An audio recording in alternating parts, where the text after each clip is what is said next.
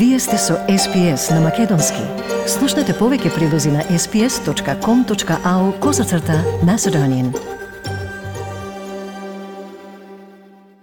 На SPS на Македонски, јас сум Ана Коталеска. На 5 и 6 јуни во Нумеа, Нова Каледонија, се одржа првенство на Океанија во карате, прво по појавата на пандемијата со COVID-19. Со учество на над 200 надпреварувачи од 6 земји, на првенството доминираше Австралија со 76 освоени медали, од кои 27 златни. Својот придонес во успехот на Австралија има и каратистите и каратистките со македонско потекло со вкупно 7 медали. Стефани Димовска освои златен медал во кати во јуниорската конкуренција, а Микаела Тасевска освои три медали во јуниорска конкуренција во борби екипно. Посебно внимание на задоволство на Карате Федерацијата на Австралија предизвика настапот на Тео Цветковски, кој освои три златни медали во борби со сениорска и во конкуренција до 23 години, а успехот го надополни и во екипната конкуренција. Со овој успех, Тео го свртува вниманието на карате стручњаците во Австралија и се очекува од него и во иднина со успех да ги брани боите на Австралија. Васе Коцев деновиве разговараше со Тео Цветковски за настапот на Океанија, но и за тоа како тренираше во текот на пандемијата.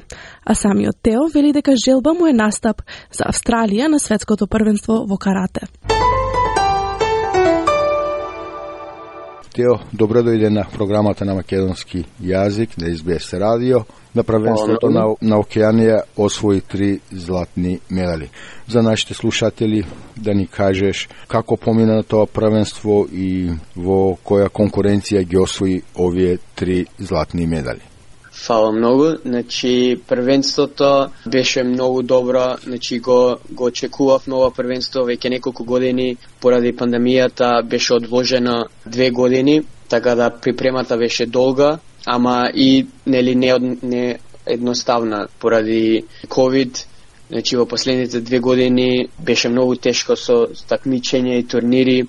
За тренинг требаше од дома, така продолжувавме, ама на крај еве очигледно сето тоа се, секој тој труд се исплатеше поради тоа што многу добро се се чувствував на Океанија и можев да ги освојам тие три медали. Значи во мојата инди, индивидуални категории во под 20 година и во сениори освоив две златни медали и потоа бев исто избран за во сениорскиот кумите тим каде што пак исто победивме како а, австралиски тим. Кои победници ги, ги совлада во финалето, впрочем, кои противници така ти создаваат најголеми проблеми на овие првенства на Океанија, бидејќи и порано учествуваше на, на нив во јуниорска конкуренција. Да, е па овој пат имавме и други што се од Австралија, што со мене се се такмичија, ама исто така и од Нов Зеланд, така да тие беа главните други што што се боревме. И во финалето да можев да ги совладам, значи поготово еден од Нов Зеланд, многу добро се се, се чувствував и на крај на пример една од борбата на крај со, со 7-0 победив, така да да, добро извежбав. Добро, веќе спомнавме ти освои а, три златни медали, меѓутоа во составот на Австралија беа уште и две каратистки, помлади од тебе, кои се надпреварува во јуниорска конкуренција и тие исто така освоија медали. Се работи за Стефани Димовска и Михаела Тасевска. Каков впечаток ти оставија тие? Веројатно следеше и дел од нивните борби. Да, значи нив ги следам и од помала возраст, секогаш се, се дружиме на турнири и секој пат кога, кога одиме се дружиме заедно и можам да кажам дека многу многу добра извежба. Стефани Димовска со катите продолжува да биде една од најјаките и во Австралија и сега нели на Океанија, а исто така и Микела продолжува со со незините борби да покаже колку е силна и дека ќе продолжат и двете која ќе влезат и во сениорски категории. Е сега спомна малку на почетокот дека поради пандемијата со COVID-19 имаше пауза во овие правенства, меѓутоа спомна дека сепак вредно и тешко трениравте. Како се одрези пандемијата со COVID-19 на вашите тренинзи? Како се снаоѓавте и всушност колку пати неделно тренирате? Како се одвива тој тренинг процес? Да, е па сам многу влијаеше зашто ние не, не смеевме да влеземе во доџо, така да со нашиот сенсеј моравме други да најдеме други начини како како да тренираме и на крај најефективното беше преку Zoom, преку видео. Јас дома си имав наместено како татами место каде што можев да тренирам скоро секој ден и теравме. Поготово со кумите уште потешко беше зашто нели немаш никој да да можеш да да се бориш, немаме спаринг партнер, но некако најдовме начин да се фокусираме поготово на техниките за да може после тоа кога се вративме да бидам пак во форма и да се да се вратам на на тој левел како што бев пред неколку години.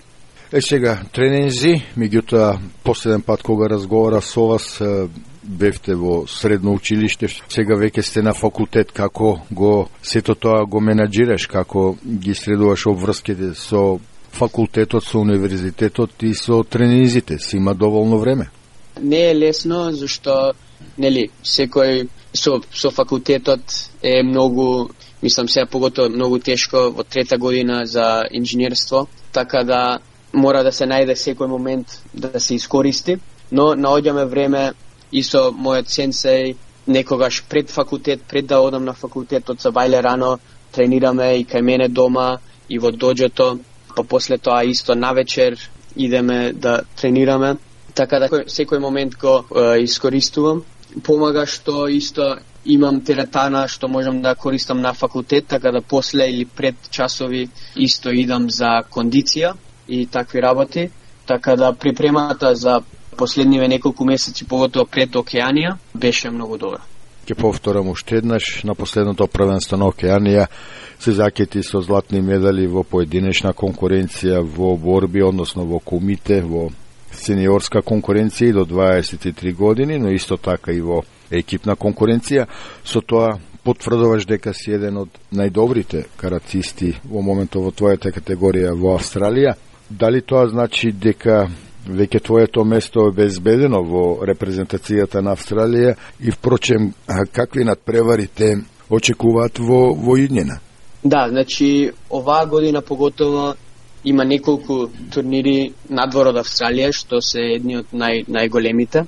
Значи најголемиот е светското првенство што ќе се одржи во Турција на крај на октомври. Значи тоа ми е еден од крајните цели од за оваа година, а за моето место, значи за селекција за светското, мислам дека сум добра шанса да бидам избран, поради тоа што нели после ова првенство на Океанија, ама и другите нели на превари што ги имавме оваа година. А исто така се гледа оваа година да учествувам на Commonwealth првенство и исто така на светско, светски куп за студенти од факултет, така да овие неколку следни месеци ќе треба да продолжиме со јака припрема за да можам да бидам спремен и за светски и за Commonwealth првенства.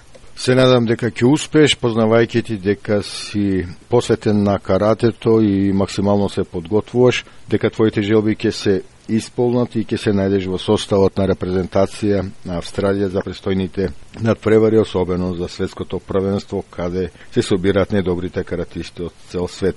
Тео, честитки уште еднаш за успехот и благодарам за овој разговор, па се слушаме некаде таму доколку добиеш повик пред настапот на светското првенство. Фала многу, важи договорено. Стиснете, ми се допаѓа, споделете, коментирајте. Следете ја SPS на Македонски на Facebook.